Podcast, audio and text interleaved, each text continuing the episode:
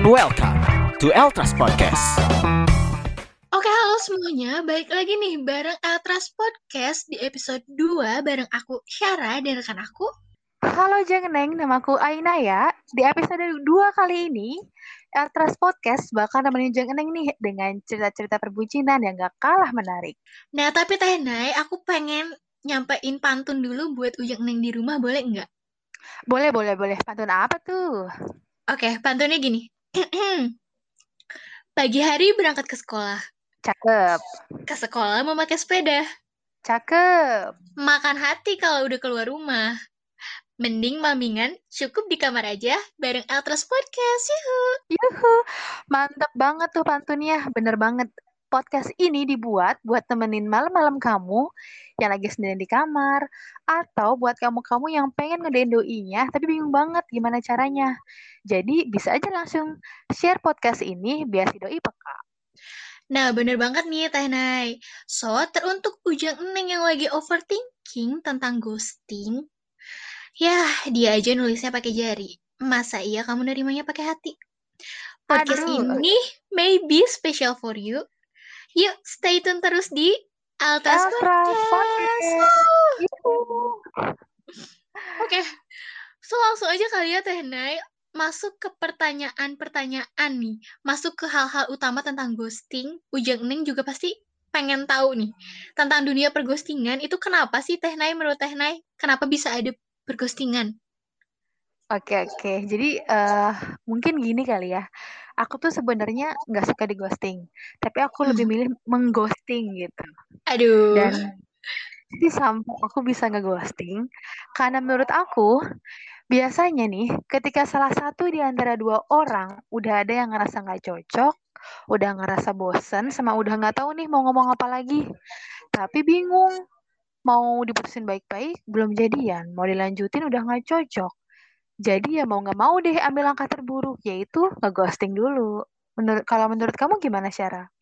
hmm, sama sih Teh Nay. Kayaknya aku cukup agree dan setuju banget nih sama apa yang disampaikan sama Teh Nay. Aku sendiri ya ngeghosting pernah, dighosting apalagi. Nah, Iya nih, menurut aku mungkin karena sejak COVID-19 juga kali ya, banyak banget perbucinan yang beralih ke dunia digital, Jeng Neng. Nah, aku pernah denger nih dari Kak Analisa Widyaningrum, katanya ada sebuah penelitian yang dilakuin sama Roosevelt and Thomas. Katanya di tahun 95, pasangan yang bertemu online tuh sebanyak 0% loh teman-teman. Jeng Neng. Nah, tapi semenjak tahun 2009, angkanya naik jadi 22%. Gimana wah naiknya lagi gede ya. sih? Mm-mm, gimana lagi di tahun 2021 sekarang? Yang lagi nerapin social distancing, Teh Nay. Hmm, bener-bener bener. Pasti Mm-mm. 100% kali ya angkanya sekarang. Aduh, berdoanya sih jangan sampai 100% Teh Nay. Soalnya ya aku berdoa kalian nih pendengar podcast ini bukan satu di antara 22% yang tadi aku sebutin tadi.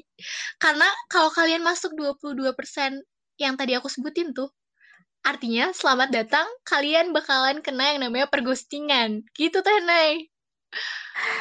Aduh, serem banget sih emang yang namanya ghosting. Mm-mm. Hmm, BTW, BTW, Mm. eh, tadi kan Syara eh, mention nih suka di ghosting ya katanya ya.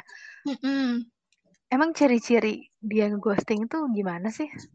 Oke, ciri-ciri dia ngeghosting ya. Menurut tiga ciri sih Teh Nay. Wah Eh, ya? buat orang-orang yang dighosting, mm-mm. kriteria orang yang ngeghosting kita tuh ada tiga deh kayaknya. Mungkin kalau kalian ngalamin satu di antaranya, berarti kalian udah pernah dighosting atau ngeghosting nih. Menurutku Oke, sip aja. kriteria, Coba mm-mm, sebutin karena kan aku yang suka ghosting nih. Bener nggak sih uh-uh. jawabannya? Semoga enggak sih Teh. Oke, pokoknya kriteria yang pertama nih ya, ketika dia udah susah dihubungin, Teh. tapi ternyata dia online atau aktif di media sosial, tapi nggak bales aku dan nggak ngabarin aku. Yang ini bener 100% nih. Mm-mm, Bener aduh. banget. Terus ada juga kriteria yang kedua di mana orang yang selalu ngeghosting atau orang yang ngeghosting tuh kalau orangnya itu ada ketika dia butuh, tapi mendadak nggak ada ketika dibutuhin. Aduh, ini relate banget sih di organisasi. Kayaknya aku salah satu orang yang ghosting deh, Teh. Aduh, berat, berat, berat, berat. Apalagi tuh ciri-cirinya? Terus ciri-ciri yang ketiga itu di mana eh, ada orang yang penasaran sama kita tuh. Kita udah jawabin semua, udah buka informasi, udah buka hati. Eh, Aduh. tapi dia aja cuma main-main. Udah tahu kita ya udah dia pergi teh Nay. Bener sih, mungkin ini 75% kali ya kebenarannya. Karena kan pasti ada faktor lain gitu kalau ngeghosting. Ah, bener sih bener. Aku setuju. Dan apa ya? Semoga teman-teman di sini nggak masuk ketiga kriteria itu deh. Karena kriteria ketiga tuh paling sakit nih kayaknya Teh Nay. Bener, bener, bener. Oke, kalau buat Teh Nay sendiri gimana Teh Nay? Hmm, buat aku ya, eh, tadi kan aku mention kalau aku tuh suka ngeghosting gitu. Sebenarnya gini sih ciri-cirinya. Mungkin ini bisa Ujang Gening biar lebih peka kali ya sama keadaan keadaannya kalau si Do ini udah ngirim sinyal nih. Apa sih Hmm. sinyalnya? Sinyalnya itu adalah ketika intensitas percakapan kalian udah nggak sesering dulu nih. Karena kan dia nggak mungkin dong tiba-tiba yang biasanya ngobrolin deket banget terus langsung hilang tiba-tiba atau atau eh, biasanya ngobrol akrab banget tiba-tiba Hmm. bilang udah ya kita nggak ngobrol lagi kan nggak mungkin tuh. Aduh. Jadi biasanya biasanya nih mereka pelan-pelan dulu nih mulai dari lama ngebalesnya terus balesnya dua hari kemudian balesnya sebulan kemudian sampai nggak balas-balas lagi. Oke deh, itu namanya officially di ghosting. Wow, ternyata ghosting juga ada tahapannya ya Teh Nay. Sumpah. Ada. Hmm. Terus gimana Teh? Udah sih, paling gitu aja. Kalau buat eh, Syara sendiri nih, menurut Mm-mm. kamu dampak dari di ghosting itu apa sih? Aku pengen tahu gitu. Soalnya kan aku suka ngeghosting. Mm-mm. Oke, kalau dampak dari di ghosting ya teman-teman, mungkin dampaknya yang paling make sense atau yang pertama kali bakalan kita lakuin tuh nangis teh Nay. Wah. Nggak sih, nggak bohong, nggak nangis juga sih. Maksudnya ya ada gitu sakit hati atau nangisnya. Tapi teh Nay, ternyata aku juga sempat baca nih di Halodoc. Katanya dampak dari ngeghosting tuh nggak cuman kita nangis atau sakit hati doang sama orang. Tapi parahnya ghosting ini tuh bisa nyebabin perasaan-perasaan lain seperti depresi, marah, bingung, sampai ngerasa nggak diinginin sama seseorang loh. Wah, asli kayak Iya, gitu dampaknya. asli. Itu kata Halodoc. Nah, terus kenapa sih orang yang di ghosting itu atau kenapa ghosting itu bisa sangat menyakitkan gitu bagi korbannya? Jawabannya sederhana aja. Menurutku nih ya, ditinggalkan oleh orang itu, ol- oleh orang yang dipercaya itu atau dianggap peduli, itu bisa ngebuat seseorang merasa kehilangan gak sih? Sakit. Aduh, Aduh, bener-bener. kata kamu tuh nampar aku banget loh yang suka ghosting. Jadi kayak, aduh, kayaknya aku harus minta maaf kali ya sama orang-orang yang aku ghosting. Tenang aja, tenang teh. Karena aku juga kayaknya kayaknya pernah juga ngeghosting. Ya cuman banyaknya di ghosting.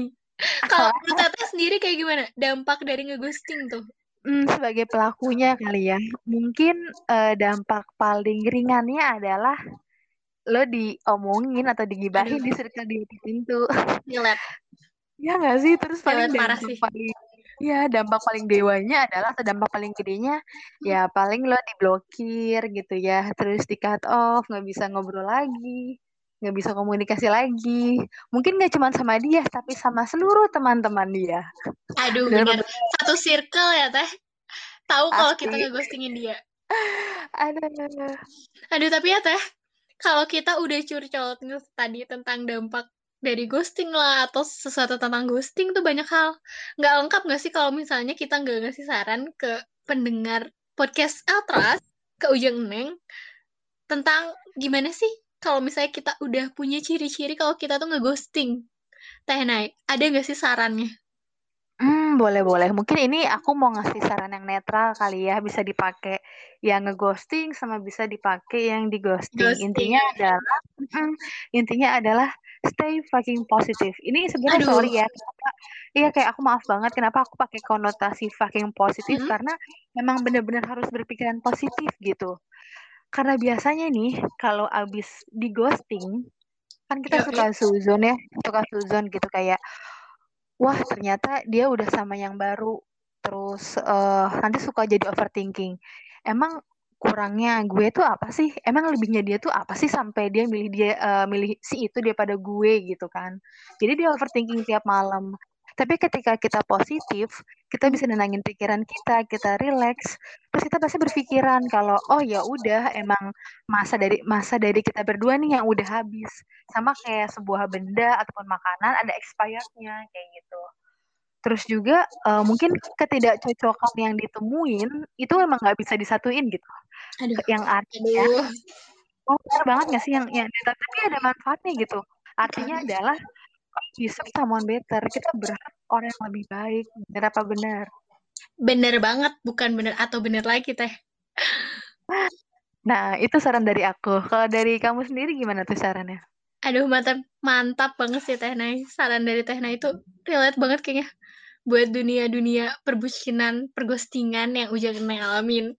Kayaknya aku sama juga deh Teh Nay. Apa uh, saran aku tuh mirip-mirip sama Teh Nay. Tapi saran aku nih ya, lebih baik uh, Ujang Neng tuh memperbaiki diri, fokus sama apa yang harus diperbaiki dari dalam diri. Nah, kalau emang kamu nggak menarik buat dia, atau kamu nggak bisa buat dia jatuh cinta, artinya ada yang ada dari dalam kepribadian kamu yang dia nggak suka. Nah, itu tenang aja kok, penduduk Indonesia tuh 3 juta. Masa iya kamu stuck sama satu orang? Ya nggak teh? Bener, bener, bener. Iya gitu paling dari aku, saran dari aku ya. Tapi ini oh, kembali okay. lagi ke situasi kondisi Ujang Neng. Itu di ghostingnya hmm, karena bener. apa? Bener nggak? Betul betul betul. Benar sih aku setuju. Berarti uh, aku garis bawahi ya intinya uh, kita harus memperbaiki diri kita. Ya mungkin bukan untuk orang lain tapi terlebih untuk diri kita sendiri nggak sih? Iya bener banget ya Nay. Ya kalau nggak cinta masa iya kan harus dipaksa. Eh, benar. Aduh, betul kita udah Udah nggak kerasa nih ya, udah ngobrol panjang banget, udah ngalor ngidul nih obrolan kita soal tema perbucinan hari ini. Mungkin sekian dulu untuk hari ini, tapi buat Ujang Neng, stay tune terus di Atras Podcast episode lainnya, karena bakal ada apa aja nih Kak Syara? Bener banget nih Teh Nay, masih ada banyak tema seru lainnya yang bakalan diangkat di Atras Podcast. So langsung aja kali ya, aku pribadi Syara dan rekan aku, Nah ya, kami berdua pamit undur diri dan sampai jumpa.